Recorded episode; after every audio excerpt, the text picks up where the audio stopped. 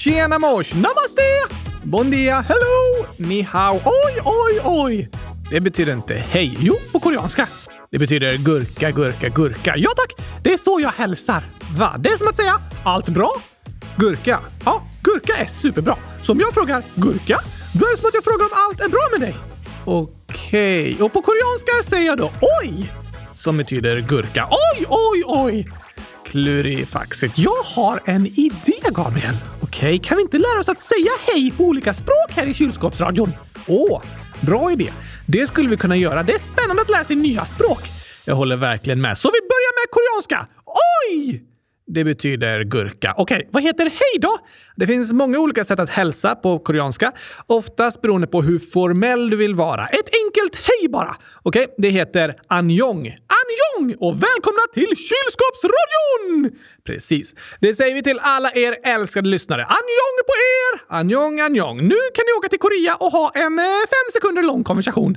Det tar inte fem sekunder att säga hej. Nej, men den andra ska svara också och sen lite awkward silence. Alltså obekväm tystnad. Då kan du nästan nå upp i fem sekunder.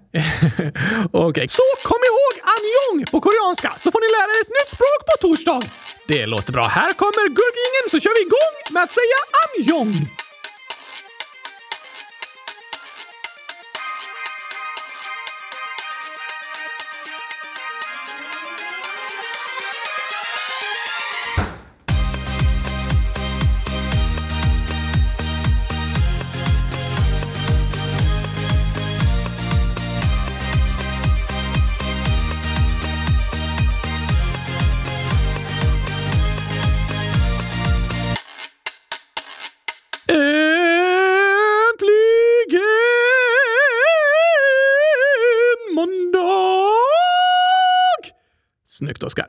Äntligen avsnitt 100 310 av Kylskåpsradion. Du menar Kylskåpsradion? Precis det jag menar. Idag ska vi prata om Nobel. Precis. Det berättade vi om i torsdags. Och något väldigt speciellt med Nobel. Just det. Nämligen Nobels fis.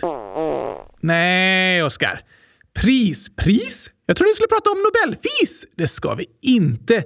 Vi ska prata om Nobelpris. Fick Nobel ett pris för sin goda fis? Han hade ingen god fis. Hade han en äcklig fis? Äh, jag vet inte. Det står inte om det någonstans i historieböckerna. Är du säker? Äh, ganska säker. Jag tror att Alfred Nobels fisar står beskrivna någonstans. Jag tror inte det. Men jag har inte läst allting som står skrivet om Nobel, så vem vet? Och idag är det dags att dela ut en Nobelfis! Inte en Nobelfis. Vi ska prata om Nobels fredspris. Fredsfis? Vad är det för något? Oh. Inte fis, Oscar. Är det när två personer har fisat på varandra, men sen säger nej, vi kan inte fortsätta fisa och hämnas på varandra hela tiden. Vi får varsin fredsfis och sen är det över.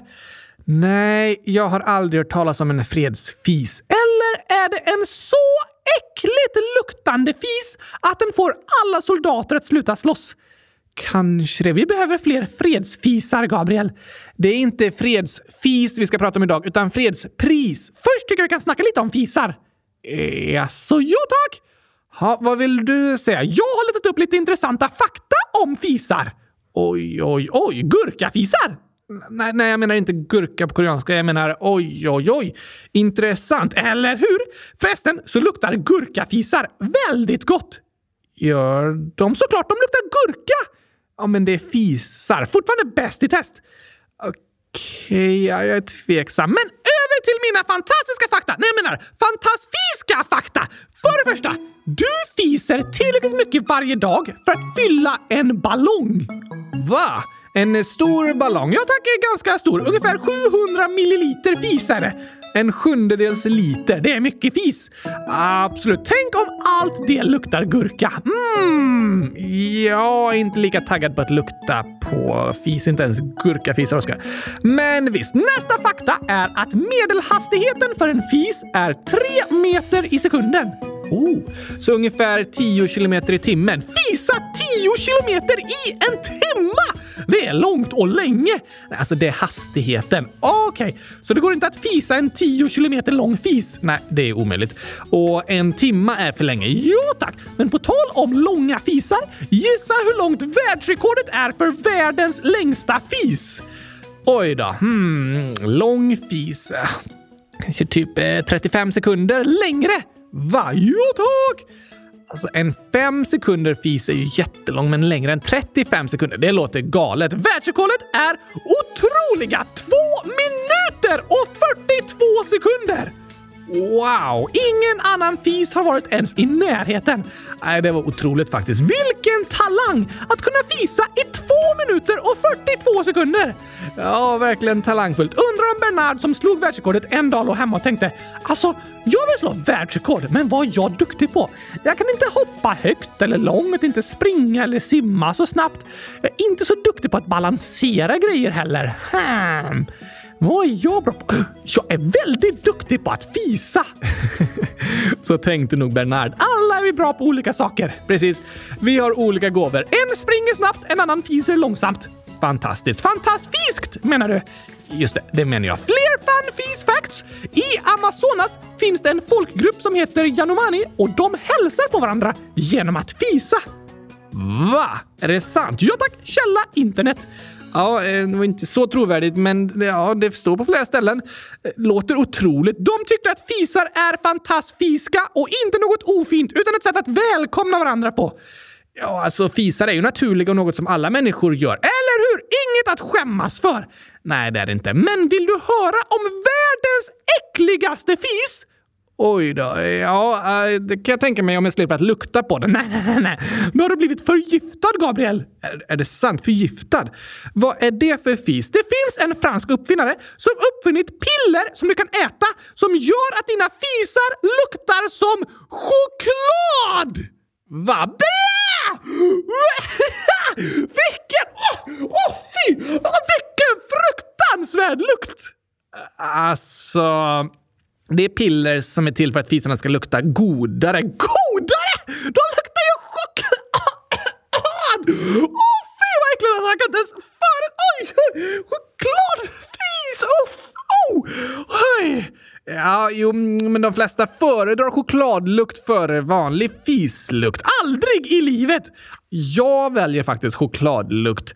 Men du, jag läser lite om chokladfispillren här och det finns även med andra lukter, till exempel rosor. Det låter i alla fall bättre än choklad! Ja, och det var så att han som uppfann de här pillren, han gjorde det efter att han och hans vänner varit på en restaurang och ätit massa mat och sen börjat fisa så det stank så mycket att de andra gästerna blev väldigt missnöjda med dem. Oj då! Då fes de mycket! Ja, och då tänkte Christian, det här måste vi göra något åt. Och så började han forska på fislukt. Började han lukta på massor av fisar? Ja, typ.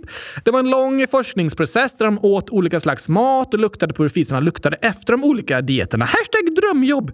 Inte direkt kanske, men till slut så lyckades de skapa piller som ger dina fisar olika lukter. Har han fixat något som gör att fisarna luktar gurka?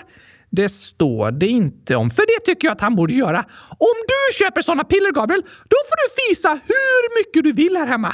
Ja, vad bra. Det får jag väl ändå. Ja, jo, såklart. Du har inget fisförbud. Jag menar att du får till och med fisa inne i mitt kylskåp. Om fisarna luktar gurka. Där brukar du väl inte fisa? Mm, nej, det brukar jag inte göra. Skaffa gurkafispiller då, så får du äntligen göra det. Äntligen. Åh, vad gott det kommer lukta. Ja, jag tror att det är bättre med lukten av färsk gurka istället, Oskar. Sant. Men om du har riktigt äckliga fisar någon dag, kanske till och med som luktar choklad! Då får du käka såna piller för att de ska börja lukta gurka istället.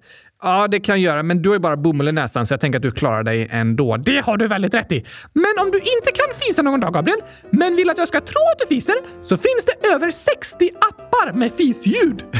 Nej. Gör det? Jo tack! Väldigt användbara appar faktiskt.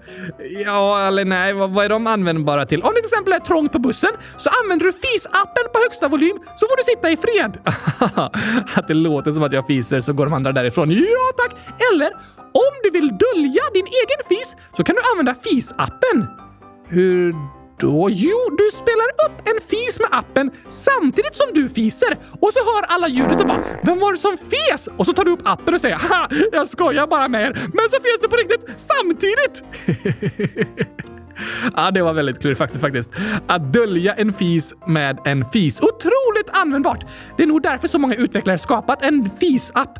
Jag tänker att det hade nog gått att lägga tiden på lite andra användbara appar. Men visst, kanske kan vara bra att ta. Tycker du om att lukta på fisar, Gabriel? Nej, det, det kan jag inte säga. Synd för dig. Varför är det synd? För annars hade du kunnat få ett väldigt välbetalt jobb. Va? Ja, tack! I Kina kan du jobba som professionell fisluktare. Nej, jo tack. Vad behövs för att jobba som det? Du behöver vara mellan eh, 18 och 45 år, rökfri och med ett gott luktsinne. Sen får du gå igenom olika tester och en lång kurs för att lära dig jobbet. Så i den kursen studerar jag olika fislukter genom att lukta på fisar, gissningsvis. Ha, vad är jobbet för något då? Du luktar på andra människors fisar. Varför får jag betalt för det? För att se om de som fiser har någon sjukdom. Aha, så människor går till ett ställe för att en fisexpert ska lukta på deras fisar och sen beskriva deras hälsa? Ja tack! Intressant. Det är inte jättemycket vetenskapligt bevisat att det funkar att eh, bestämma om någon är sjuk på det sättet. Men det går i alla fall att bli anställd som fisluktarexpert. Fint att höra. Om du någon gång vill sluta med kylskåpsradion, Gabriel, och börja jobba med något annat, så är fisluktare det enda jag skulle tillåta dig börja jobba med. Jag vill inte jobba som fisluktare, jag vet. Det var därför jag sa det. Aha, för att jag aldrig ska sluta med kylskåpsradion. Ja tack! Hashtag klurifaktigt! Smart tänkt. Fler fun fis facts! Ännu fler? Ja, ja, ja, ja, ja tack! I genomsnitt fiser en människa 14 gånger på en dag. Oj då, det är ganska mycket, eller hur? Men då är det de 14 fisarna tillsammans som kan fylla en ballong. Ja tack! Du börjar lära dig Gabriel. Snart är jag fisexpert. Men det är bara 1% av alla fisar som luktar. Jaha, det var inte så många. Så om du känner fislukt någon gång kan du tänka det finns hundra gånger mer fis i luften än jag känner lukten av. Eh, nej, eh, nej, så vill jag inte tänka. Oskar, oh, glöm bort det där. Det som gör att fisar luktar är vätesulfid som bildas i magen. Ja tack! Vätesulfid är en giftig gas som luktar ruttna ägg. Den är brandfarlig och när den kommer ut i luften är den explosionsfarlig. Ja, jo, alltså, ren vätesulfid är explosionsfarlig, men en fis innehåller inte så mycket. Det är bara en liten del av den som är vätesulfid. Aha, så en fis kan inte explodera? Nej, det kan inte. Det kan kännas så i magen innan fisen har släppts ut. Som att magen håller på att explodera. Ja, tack! Ja, kanske det. I alla fall innehåller våra fisar många olika slags gaser som kväve, syre, väte, koldioxid och metangas. Men de luktar ingenting. Det är bara när fisarna innehåller lite vätesulfid som de luktar något. Så fisar innehåller koldioxid och metangas. Är fisar omiljövänliga? Ja och nej. Det är ingen lösning på miljöproblemen att vi slutar fisa. Bara på inomhusmiljöproblemen. Att det luktar illa menar du? Ja tack! Jo visst. Men något som diskuteras en hel del är att kor rapar väldigt mycket metangas. Okej? Okay. En ko rapar ungefär var 90 sekund och det blir faktiskt väldigt stora gasmängder. 600 liter metan per ko och dag. Det beräknas att 17 procent av jordens utsläpp av metangas kommer från kors rapar. Va? Ja, så när köttproduktionens klimatpåverkan diskuteras så brukar kossornas rapande av metangas nämnas ganska ofta. Och det forskas på vilket foder de borde få för att inte rapa lika mycket metan. Oj, oj, oj! Alltså, de borde äta gurkor. Kanske det. Fler fun fees facts! Nej, men ännu fler. Jo, tack! Om du befinner dig mer än 10 meter ner under vattenytan, då kan du inte fisa. Va? På grund av att trycket är annorlunda? Aha, ja såklart. Intressant ju. Så om du verkligen känner att nu behöver jag fisa, men du vill inte fisa, så simma ner till 10 meters djup så löser det sig. Ja, det är inte alltid så lätt att bara kunna simma ner till 10 meters djup. Nej, det har rätt i. Men om du tvärtom är högt uppe i luften i ett flygplan så gör trycket i kabinen att du fiser mer. Jaså, det skapas mer gaser i magen där. Så ett flygplan är fullt av fisar. Såklart! Ett fisplan kan vi kalla det! Åh, eh, nu blir jag verkligen sugen på att flyga flygplan. Blir du? Nej tack. Alltså, på tal om klimatförändringarna så är det många som pratar om att vi inte borde flyga så mycket flygplan. Ja, precis. Om vi skulle byta namn på flygplan till fisplan, då tror jag att antalet flygresor hade minskat. Intressant idé, Oskar. Du har nog rätt i det. Jag ska skicka det förslaget till Miljöpartiet. Det kan bli deras nya hjärtefråga. Eller jag menar stjärtefråga. Flygplan kan kallas fisplan. Det minskar nog resandet. Det var många intressanta fisfakta du hade, Oskar. Ja, tack! Perfekt sätt att uppmärksamma årets Nobelfis. Det heter fortfarande inte Nobelfis, utan det är årets Nobelpris vi ska prata om. Va? Direkt? Jag sa det direkt, då hörde inte jag det. Så det har inget med fisar att göra? Inget alls. Det är ju så att i förra veckan så började det presenteras vilka som får de olika Nobelprisen i år. Och här i Kylskåpsradion har vi gjort det till en tradition att prata om de som tilldelas Nobels fredspris. Kommer du ihåg de senaste årens vinnare, Oscar? Hmm. Måste tänka lite. Alltså min hjärna är full av fisar nu. Hjärnan full av fisar. Alltså att jag tänker på fisar. Ah, härligt. Nu måste jag ändra fis till pris. Jag behöver ställa om lite. Just det. Mm, men jo! Nu kommer jag ihåg. Första gången var det i avsnitt 100 016. Just det! Om Nobels vedspis! Ja, det var din misstolkning av namnet den gången. Vedspis och fredsfis, Aldrig blir det rätt. Nästan inte. Men i avsnitt 100 016 pratade vi om sexuella övergrepp och pristagarna Nadia Murad och Denise Mukwege som båda jobbar med att uppmärksamma och hjälpa kvinnor som är utsatta för sexuellt våld och berätta för omvärlden om hur sånt våld används som vapen i krig och konflikter. Just det! Väldigt välförtjänta pristagare! Absolut. Men minns du vem som vann året efter, år 2019? Um, ledaren i Etiopien. Precis. Abiy Ahmed fick fredspriset för sitt arbete med att uppnå fred och internationella samarbeten och lösa gränskonflikten mellan Etiopien och Eritrea. Men det har blivit ett väldigt kritiserat pris. Verkligen. Redan när priset delades ut så var det många som ifrågasatte det. Och som vi berättat om här i podden tidigare så är det många som vill att det priset ska tas tillbaka. För ungefär ett år efter att Abiy Ahmed fick fredspriset så startade ett inbördeskrig i Tigray-regionen på gränsen mellan Etiopien och Eritrea, där Etiopiens militär är en av de stridande sidorna. Håller kriget fortfarande på? Ja, det gör det. I början fick det mycket uppmärksamhet, men nu är det inte så omtalat längre. Ett stort problem är att det är svårt och farligt för journalister att komma dit och rapportera. Det är nästan inga som tillåts komma in i landet. Och även för internationella hjälporganisationer är det svårt att komma dit med mat och mediciner. Så kriget har utvecklats till en humanitär katastrof där miljontals oskyldiga människor drabbas. Nyligen kom rapporter om att spädbarnsdödligheten är fyra gånger högre i regionen än den var före kriget. Vilket är ett tecken på hur livsförhållandena för civila i området snabbt har försämrats till en väldigt allvarlig situation. Jag tycker verkligen det är ett fredspris att ifrågasätta. Det tycker jag också. Det som pågår i norra Etiopien är väldigt allvarligt och drabbar miljontals människor.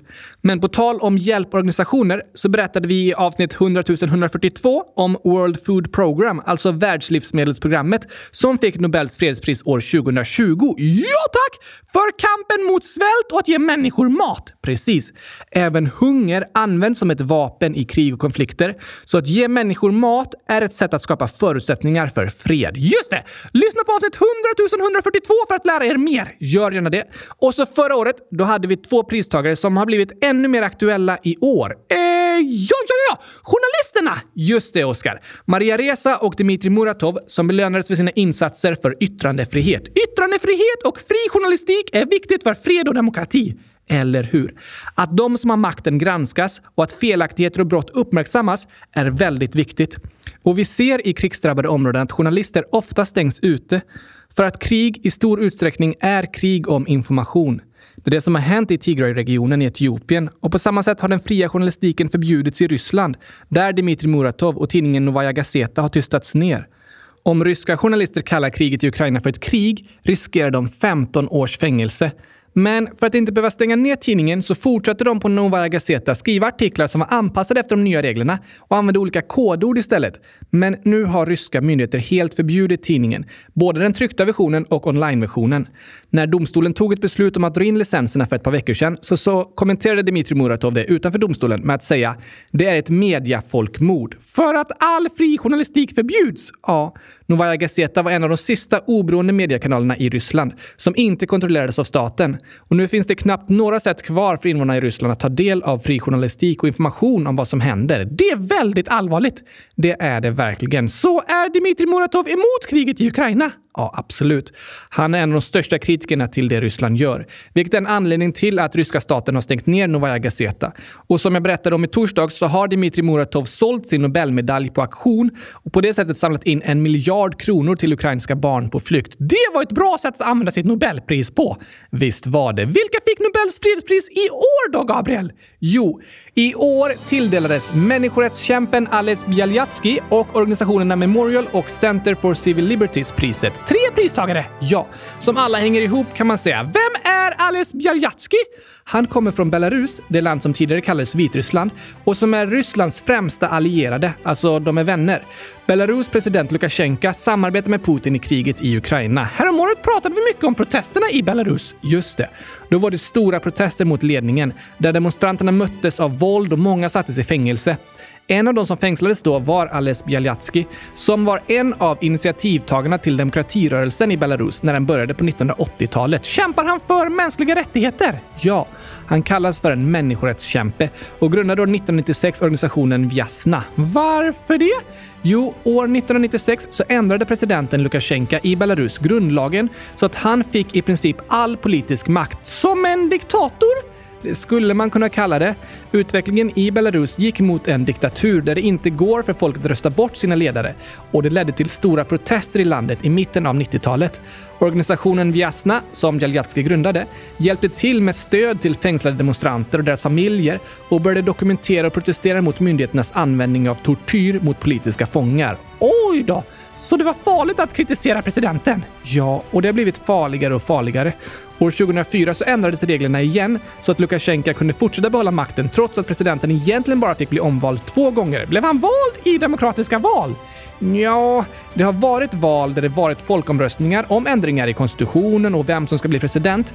Men utländska observatörer har kritiserat valen och sagt att de inte varit rättvisa utan att media kontrollerats, de politiska motståndarna har trakasserats och det har begåtts fusk med rösträkningen. Oj då!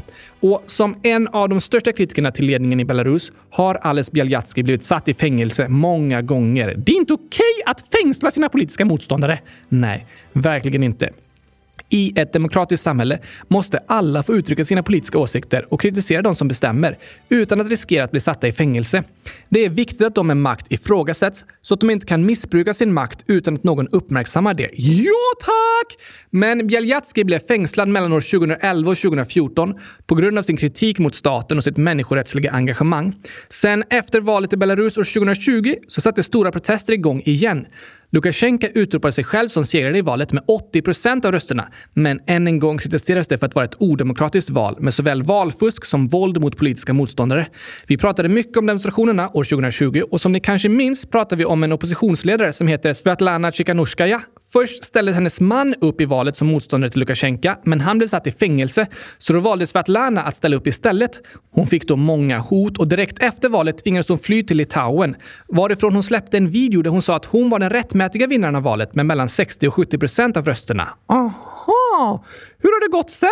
Tsikhanouskaya har fått stöd från många andra länder i EU runt om i världen, men i Belarus har ännu ingen förändring skett. Och många av de som demonstrerade år 2020 sitter fortfarande i fängelse. En av dem är nobelpristagaren Ales Bjaljatski. Sitter han i fängelse igen? Det gör han. Han har blivit fängslad utan rättegång och han beskriver det som att förtrycket av politiska motståndare i Belarus är brutalare än någonsin. Vad fruktansvärt! Det är det verkligen. Och genom att ge Ales Bjaljatski Nobelpriset så ville Nobelkommittén uppmärksamma alla de som protesterar och riskerar sina liv för mänskliga rättigheter och frihet i Belarus. Det var en välförtjänt pristagare. Absolut. Och på samma tema har även två människorättsorganisationer fått priset. Den första heter Memorial. Vad är det för organisation? Den grundades år 1987 i Sovjetunionen och har blivit den största människorättsorganisationen i Ryssland. Oj då! Den finns även i andra gamla Sovjetstater som Ukraina, Kazakstan, Lettland och Georgien. Dess officiella namn är International Historical Enlightenment Human Rights and Humanitarian Society Memorial. Vad betyder det? Det betyder internationell historisk upplysning om mänskliga rättigheter och humanitärt samhälle. Så de vill utbilda människor om historien och mänskliga rättigheter? Ja, precis. De främjar demokrati och vill stoppa återkomsten av ett totalitärt samhälle. Vad är det? Totalitarism är ett politiskt system där ett politiskt parti har all makt och ser sig själva som staten, som det var i Sovjetunionen. Som en diktator med total makt? Ja, en diktator eller ett parti som har all politisk makt. Total makt. Därav begreppet totalitarism. I ett sånt samhälle är inte journalister fria att kritisera de som bestämmer. Nej, det är förbjudet och politiska motståndare är inte tillåtna. Och organisationen Memorial, som betyder minnesmärke, arbetar med historieforskning och att sprida kunskap om historien i Sovjetstaterna. De vill bevara minnet av alla de som föll offer för politiskt förtryck och kämpa för att etablera mänskliga rättigheter och demokrati. Så de berättar om vad som har hänt i historien och vad som händer nu och varnar för att hemska saker inte ska hända igen. ungefär ja.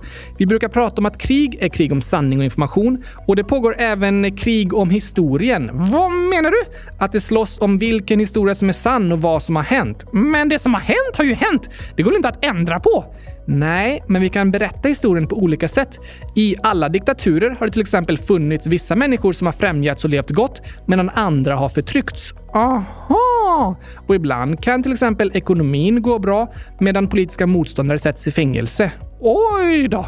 Så det pågår alltid en strid om vilken historia som ska berättas, om vad som uppmärksammas och vilket perspektiv vi har på det som har hänt.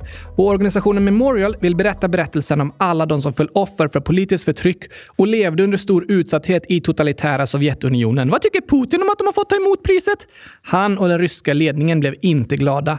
Bara några timmar efter att priset tillkännagivits så beslutade en rysk domstol att Memorials kontor i Moskva skulle beslagtas och numera tillhöra den ryska staten. Va? Stängde de ner organisationen efter att de har fått Nobelpriset? Ja, det är en internationell organisation som inte går att stänga ner så lätt, men det var en tydlig markering från den ryska staten att de var inte glada över att Memorial fått priset, som är en organisation som inte bara berättar om historien utan även uppmärksammar brott mot mänskliga rättigheter i Ryssland idag. Aha! Och även en annan liknande organisation fick ta emot priset, Center for Civil Liberties. Vad betyder det? Center för medborgerliga friheter. Var ligger den organisationen? I Ukraina. Oj då! Den grundades i Ukrainas huvudstad Kiev år 2007 och arbetar för mänskliga rättigheter och demokrati i Ukraina. Bland annat uppmärksammades organisationens arbete med att dokumentera ryska krigsförbrytelser mot den ukrainska befolkningen nu under kriget i Ukraina. Det är viktigt att uppmärksamma. Verkligen. Så pristagarna kommer från Belarus, Ryssland och Ukraina. Precis. Och det är ett pris som uppmärksammar civilsamhällets roll och betydelse för fred och demokrati. Vad betyder civilsamhället? Det är vi var och en, alla människor. Vi kan liksom dela in vårt samhälle i tre olika delar med tre olika aktörer. Och Okej. Okay. Det finns ju staten, som är de som har politisk makt och bestämmer. Just det. Sen finns det näringslivet, som är stora företag. De har också stor makt och påverkan. Ja. Men sen tredje delen är civilsamhället. Och där är föreningar och organisationer viktiga. Alltså inte sånt man jobbar med för att man får betalt, typ som att jobba som rörmokare, utan sånt man engagerar sig i för att det är viktigt. Precis, som att vara fotbollstränare eller arrangera en politisk demonstration. Och Nobels fredspris i år uppmärksammar alla de individer som engagerar sig för att kämpa för mänskliga rättigheter, som uppmärksammar förtryck, som protesterar och demonstrerar och står upp för alla människors lika värde. I det här fallet med fokus på Belarus, Ryssland och Ukraina. Aha! Det kan vi alla vara en del av. Absolut. Och för att förändring ska ske i sådana här situationer så är det viktigt att många engagerar sig och talar ut emot förtryck och står upp för mänskliga rättigheter och alla människors lika värde. Det är lättare när det är många som står upp emot den som mobbas än att en måste göra det helt själv. Det har du helt rätt i, Oscar. Och årets Nobelpris påminner oss om att det är viktigt att säga emot när vi ser att människor behandlas illa. Att det är ett ansvar vi var och en bär på. Tillsammans bygger vi vårt samhälle och tillsammans får vi kämpa för att skapa en plats där alla människor är välkomna och ingen förtrycks, mobbas eller diskrimineras på grund av hur den ser ut, var den bor eller vilka åsikter den har. Jo tack! Bra påminnelse! Det är det verkligen. Något som också är viktigt att göra tillsammans är att skratta. Så nu blir det dagens skämt! Det låter bra, Oskar.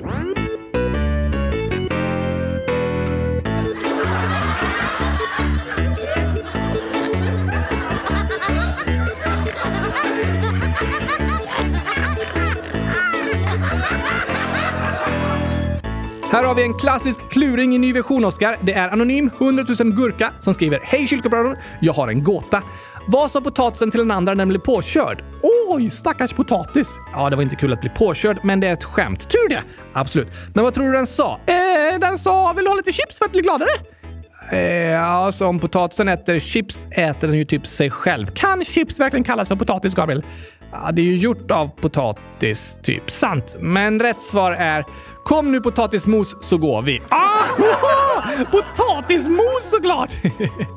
Anonym skrev också Hej! Glömde bort, det var min första gång jag skrev. Snälla ta inte mitt namn. Älskar er! Tack för att du hör av dig med världens roligaste skämt! Stort tack för det. Hör gärna av dig igen med ännu fler roliga skämt. Det tycker vi alltid om. Fler! Visst, Gabriel, fem år. Vad sa läraren när skolklockan ramlade ner från taket? Läraren sa “Oj, jag har helt tappat tiden. Förlåt, nu måste ni gå ut på rast.” För att klockan ramlat ner. Ja tack, låter som någon tappat bort tiden och inte kan hitta klockan längre. Ungefär ja. Men Gabriel skriver “Svar. Oj, nu måste vi ringa träformen.” ringa träformen, ja. Det vore tokigt, verkligen. Och vi har fler tokerier i frågelådan. Vilma, 7 år. Ett skämt. Ett barn och en mamma satt och åt ägg. Då sa mamman “Vill du ha extra ägg?” Fattar ni? Extra! PS, jag älskar eran podd. Vad är felet? Och så lite chokladkakor bland gurkor. Det var felet. Men jag vill alltid ha extra ägg. Alltså, vill du det? Gillar du ägg? Nej förresten. Jag menar att jag vill ha extra gurkor. Okej, okay, ja, men det passar inte i skämtet. Jo, jag vill ha extra gurkor. Ja, men det blir inte tokigt då eftersom det är extra som i extra ägg. Ah! Då fattar jag, det passar bara till ägg. Ja, precis. Väldigt tokigt Vilma. Oj, oj, oj, oj, oj. Men lyssna på det här skämtet då. Crazy Engis nio crazy år. Skämt! Det var en gång en gris som sa nöff. Då sa den andra grisen, men allvarligt, det var det jag skulle säga. Såklart det var det grisen skulle säga, för grisen säger bara nuff. Just det. Crazy Engel skriver även “Visste ni att jag blir helt varm inombords?” Och det visste vi inte, men det var väldigt fint att höra. Verkligen. Tack för ditt skämt och ditt fina inlägg Crazy Ingis. Vi har världens roligaste lyssnare. Absolut. De borde få Nobels skämtpris. Det håller jag med om, Oskar. Om det är något pris jag ska försöka få någon gång så är det nog det. Tyvärr finns det inte något sådant. What? Nej, varför inte? Nobelprisen handlar om vetenskap, fred och litteratur. Det finns inget pris för komiker. Men om jag skriver en rolig bok, då kanske jag kan få litteraturpriset. Kanske det. Och skratt är faktiskt viktiga för att skapa fred. Hur tänker du nu? Tänk om alla människor är glada och skrattar tillsammans. Då är det inga som börjar kriga med varandra. Nej, det har du nog rätt i. Mer skratt och mer fred på jorden. Det är mina drömmar. Låter fint, Oskar. Och därför kommer här sången Jämt! Skämt! Jämt! Perfekt. Hej! Är det här hos eh, SJ? Ja, det är det. Jag ska ta tåget till Göteborg. Hur lång tid tar det? Ett ögonblick. Ja, vad bra. Tack så mycket.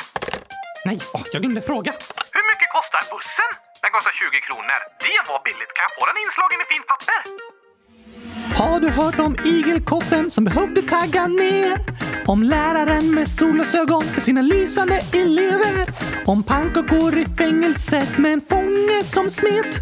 Om pengarna som knackar på dörren så det sa bank, bank. Om folk som ligger ner i affären för att hitta låga priser. Om det ryska nattflyget.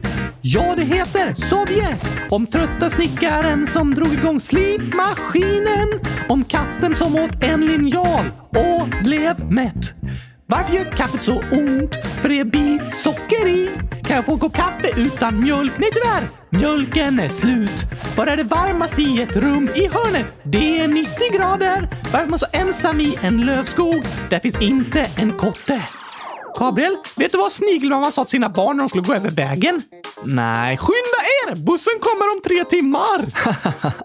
Har du hört om fotbollsskorna som passade bra? Eller om fotbollstränaren som hade en plan? Om katten som åt en stol och satt i halsen? Om flöjten som var ledsen för gitarren var så sträng? Om bajskorvens polisanmälan för den hade blivit utpressad? Om den sjuka tandläkaren som ersattes av vikaries? Om syslöjdsläraren som sa till eleverna att sticka? Om bonden som sa att livet är tufft och grisen sa grymt. Vilket djur förlorar hela tiden? Du vann. Vilket djur ser bäst? Se bra. Vilket djur är stökigast? Fjärilslarven. Vilket djur är störst? En orm. Vilken är roligaste planeten? Melkulius. Vilken frukt smäller högst? Granatäpplet. Var firar poliserna sin fest? På Liseberg. Vad säger man till en dans med många båtar? Köp en hamn. Varför simmar ankorna på rad? Det är förbjudet med ankring. Varför får vandrade pinnar inte vara med i OS? Det blir för många grenar. Vilken glass är roligast att äta? Kul glass! Var kan man chatta med Severus Snape? På Snape Chat. Vad heter mössens motorcyklar? Ostbågar! Varför följde polisen inte tjuven in på bion? Han hade sett filmen. Har du hört om korna som stod och betade? Det var poängen. Och om familjen som målat sitt hus? Det var vitsen. Härligt att få skratta! Visst är det. Men tillbaka till Nobelfisen. Nej, jag menar Nobelpriset! Ja, så tyckte jag det verkade som att det var lite av en kritik mot Putin. Ja, det får man ju säga. Det var ett ställningstagande i den pågående konflikten och ett sätt att uppmärksamma de som kämpar för fred i kriget i Ukraina. Ja tack! De behöver all uppmuntran och uppmärksamhet de kan få. Det håller jag med om. Men hur går det i kriget? De senaste dagarna är det som att det hela har trappats upp en aning. Inte bara på grund av Nobelpriset, utan i lördags så skedde en stor explosion på Krimbron. Vad är det för bro? Jo, vi har pratat ett par gånger om Krimhalvön som är en halvö i Svarta havet. Där har det varit många krig. Ja, i flera hundra år. Florence Nightingale, som vi berättar om i avsnitt 100 131, var till exempel sjuksköterska i Krimkriget i mitten av 1800-talet. Men år 2014 då annekterade Ryssland Krimhalvön. Vad betyder det? Att de liksom tog över Krimhalvön från Ukraina, fast på ett militärt sätt. Då genomfördes en illegal folkomröstning som påstod att folket på Krim ville vara en del av Ryssland. Likadana omröstningar som genomfördes i östra Ukraina för några veckor sedan. Är det fejkade omröstningar för att säga att invasionen liksom okej? Okay? Ungefär ja. Så sedan 2014 har Krimhalvön på liksom olagliga sätt varit en del av Ryssland. Men eftersom halvön sitter ihop med Ukraina byggdes det en bro från Ryssland till Krim. Aha! Det är därför en väldigt, väldigt viktig bro för Ryssland. Men i lördags så sprängdes den bron. Ingen vet riktigt vad som hände eller vem som låg bakom, men sprängningen har fått dem i Ukraina och många andra länder som stöttar Ukraina att jubla. Okej, okay. men i Ryssland har de inte varit glada och i morse så började ryska militären att bomba Ukrainas huvudstad Kiev igen. Va? De senaste månaderna har kriget bara pågått i östra Ukraina och människor i Kiev har börjat komma tillbaka till ett liv i fred. Därför kom robotattackerna mot huvudstaden och andra stora städer i västra Ukraina som en chock och många kallar dem för krigsbrott eftersom det är attacker mot civila. Vad fruktansvärt! Ja, det är fruktansvärda nyheter. Putin säger att attackerna mot Kiev är ett svar på sprängningen av Krimbron och det är en upptrappning av kriget och ett spänt läge nu där vi får se vad som blir nästa steg. Jag bara önskar att människorna ska få leva i fred! I Ukraina och Tigray och på alla andra platser där oskyldiga människor tvingas fly från sina hem och leva utan tillräckligt med mat och andra viktiga grejer. Det håller jag verkligen med dig om, Oskar. Det är vår önskan. Men vi fortsätter att prata om kriget i Ukraina här i podden, för det är något viktigt att prata om och som jag vet att ni är många som följer och hör mycket om. Och kom ihåg att om det är något som du som lyssnar undrar över eller är orolig över, våga fråga om det. Du kan skriva i frågelådan till oss eller prata med en annan vuxen du litar på och tycker om. Kanske en släkting eller en lärare. Alla frågor är okej. Okay. Ja, det är de. Våga fråga om allt du funderar över och särskilt sånt som gör dig orolig eller som du inte förstår. Ska vi ta några lyssnarfrågor innan vi avslutar? Ja, det tycker jag.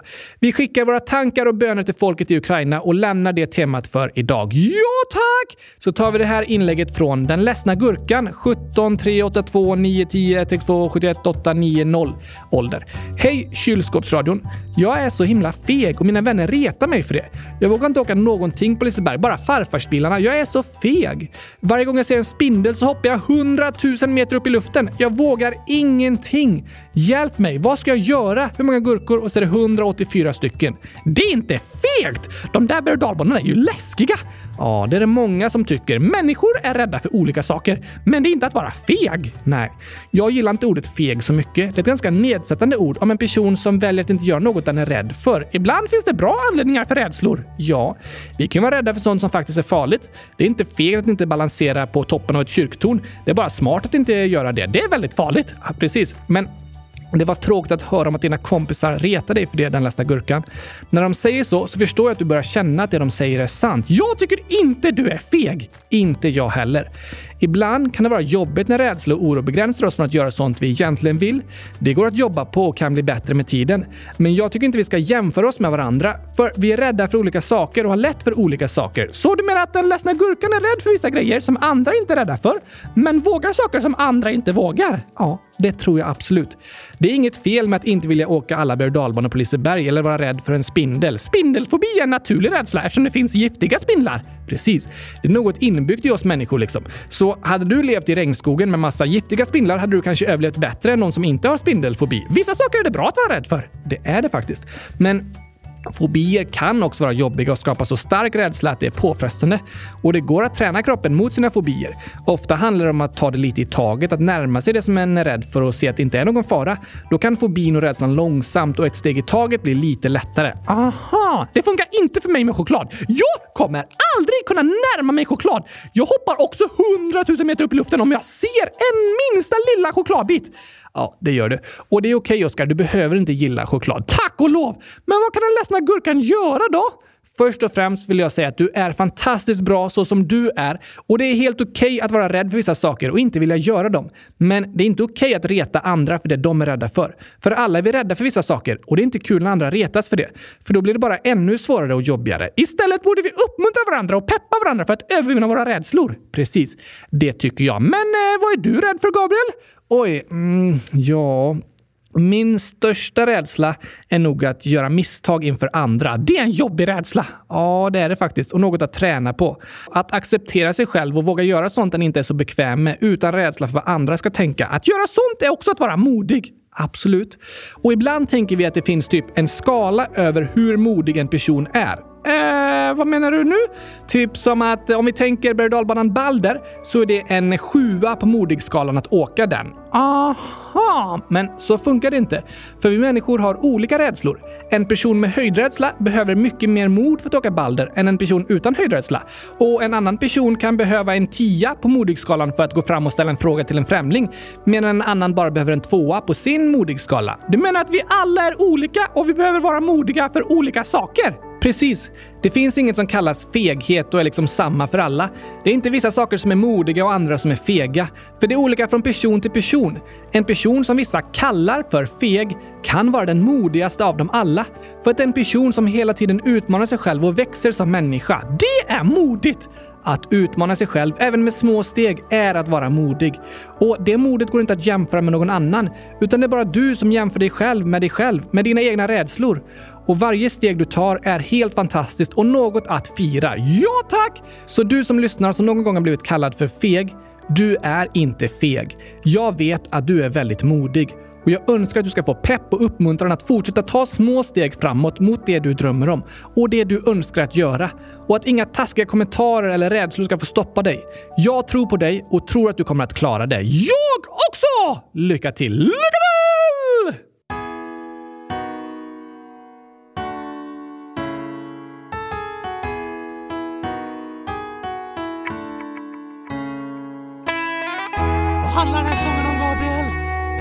att vi ska bli ännu bättre på att ge varandra komplimanger och uppmuntra varandra. Ja tack, det är bra grejer! Kom igen, kom igen!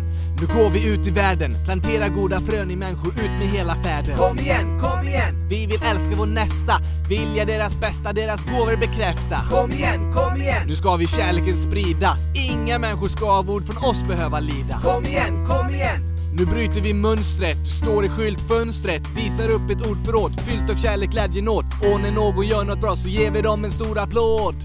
Vi vill alltid leta rätt, inte fel. Det ska vi göra! Vi vill lyfta upp, inte trycka ner. Just det, säga bra saker, inte dåliga! Vi vill alltid leta rätt, inte fel. Vi vill lyfta upp, inte trycka ner.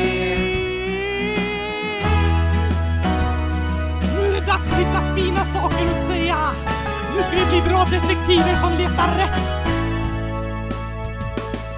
Kom igen, kom igen! Leta inte efter saker att skratta åt och retas för, det lämnar sura smaker. Kom igen, kom igen! Det är som att träna för en tävling. Bli så bra du kan på att hitta något härligt. Kom igen, kom igen! I människor du möter, du kommer hitta goda egenskaper om du söker. Kom igen, kom igen! Och sen du för dem berättar vad de är bra på då du deras tankar lättar. För alla behöver komplimanger varje dag. Det är lika viktigt för oss som att äta mat.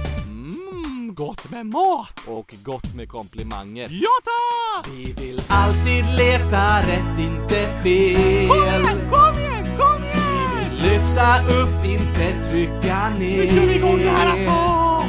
Vi vill alltid leta rätt, inte fel. Går vi ut och sprider lite kärlek här va? Vi vill lyfta upp, inte trycka ner. Och när vi ser något bra så säger vi det.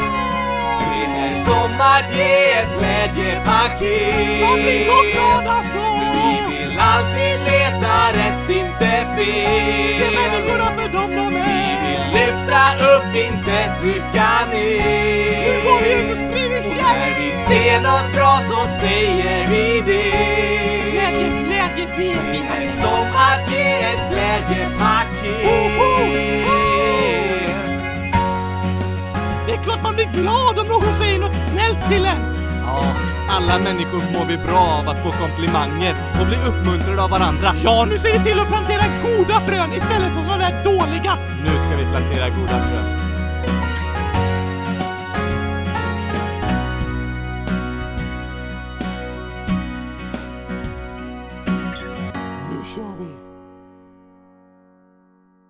Tror ingen människa mår bra av att bli retad och skrattad åt. Nej, verkligen inte. Det är inte okej, det hjälper ingen. Men pepp och uppmuntran, det mår vi bra av. Då kan vi hjälpa varandra att våga ta modiga steg och gå framåt tillsammans. Ja, tack! Och med de orden så ska vi avsluta för idag. Men först några hälsningar! Just det. Namn kan ni gratta mig i efterskott. Jag fyllde 11 den 10 oktober. Snart 11 år. Det är ju idag! Ja, så det blir inte i efterskott utan i nuskott. Nuskott. Ja, inte i förskott eller efterskott. Nuskott! Eh, Så kan vi kalla det. Stort grattis på födelsedagen Anonym! Hoppas du får världens bästa dag med 100 000 liter gurkaglass. Det önskar vi dig. Och massor av gurkafisar! Det vet jag inte, Oskar. Mmm, så gott! Det låter eh, äckligt. Jag hoppas Anonym får en superbra dag med saker som Anonym tycker om. Antagligen inte gurkafisar. Okej, och massor av skratt och glädje. Precis. Ella, 10 snart 11 skriver kan ni säga grattis till min mamma och pappa den 9 och 10 längst Ober? Grattis, grattis! Det hälsar vi till er. Och dalmatinen 9 år. Näsk. Jag skrev näsa med näsan. Jag är nio år nu. Ni glömde att säga att jag fyllde år. Hitta felen och så är det massa äpplen. Det tycker jag är fel. Hur många hjärtan? Och så är det 145 stycken. Missade vi att säga grattis till dalmatinen? Nej, faktiskt inte. I avsnitt 100 300 sa vi grattis till dalmatinen. Woho! Lyssna gärna på det. Och grattis igen i efterskott. Ja, tack! Och grattis till alla andra som också fyller år eller har fyllt år. Skriv i frågorna på vår hemsida www.kylskåpsradion.se om ni vill att vi gratulerar er här i podden. Det kan ni göra. Så hoppas vi att ni får en fantastiskt bra vecka allihop. Fis lugnt! Eh, jag gör det. Vi hörs på torsdag! Det ser jag fram emot. Jag också! Tack och hej! Gurkafisfastej! Oh, äh, fy. Hej då!